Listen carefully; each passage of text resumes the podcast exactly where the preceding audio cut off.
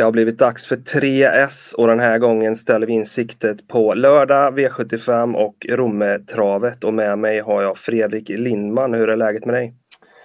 Tack, det är bra. Det är skönt att vara tillbaka i vardagslunken. Härligt att höra. Du, när du hör Rommetravet, vad tänker du då?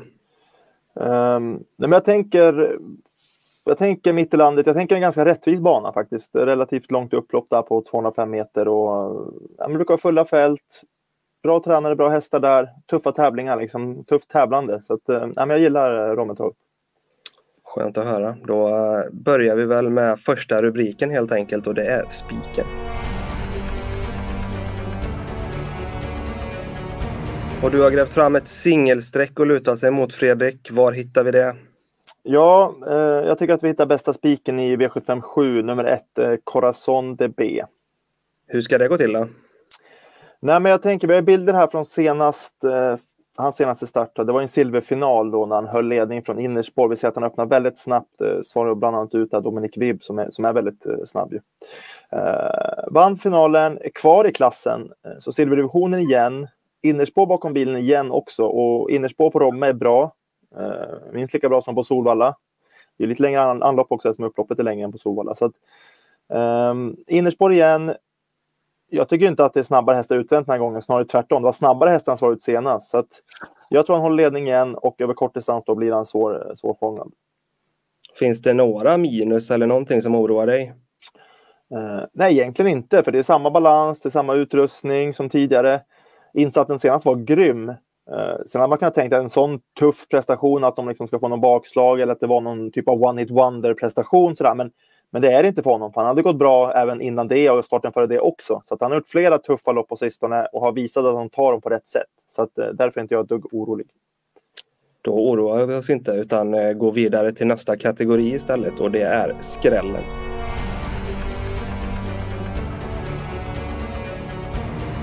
Ja, vi ska jaga skrällar och då behöver vi ett skrällopp. Och var hittar vi det, Fredrik?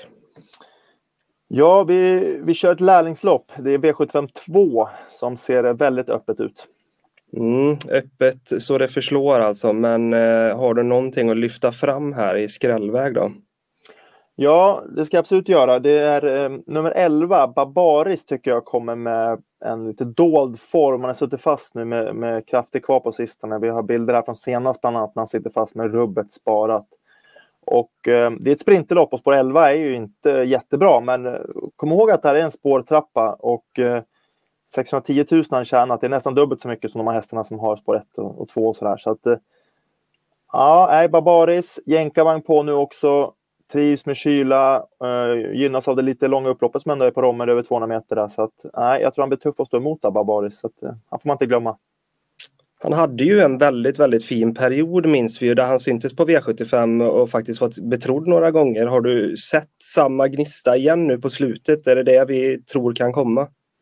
Ja, men absolut. Han har visat de här höjderna som du säger där liksom, och, och, lite då och då. Han har inte vunnit jättemånga lopp, men det finns i han eh, och nu har han suttit fast några gånger. Så att, han måste absolut sträckas. Och sen, sen återigen, det här, vi, vi säger det här är ett skrällopp och Babaris är en av flera. Men det är absolut den i loppet som jag tycker att man inte får, får missa.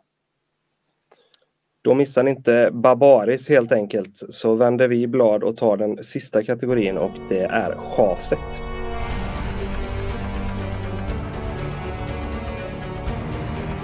Chaset är en betrodd häst som inte vi tänker gå på i alla fall, Fredrik. Eh, och betrodd i överkant kan vi väl säga också. Vad har du hittat? Ja, men jag tycker att i eh, V75 6, vi brukar ofta ha skrälloppet här, diamantstoet, men den här veckan så eh, kommer ett chas där, det är nummer 12, Gevilla. Varför då? Ja, hon, hon blir ganska hårt betrodd nu, vilket kanske inte är så konstigt. Hon kommer från en seger och en andra plats från liknande förutsättningar där hon stått på tillägg i sina här storlopp. Men det löser väldigt bra för henne. Senast fick hon visserligen göra ett jobb, men hon kom fram smidigt, kom först i andra spår, kom till ledning, åttorna kvar när den hästen i ledning tog slut helt. Så att hon fick liksom överta ledning gratis kan man säga.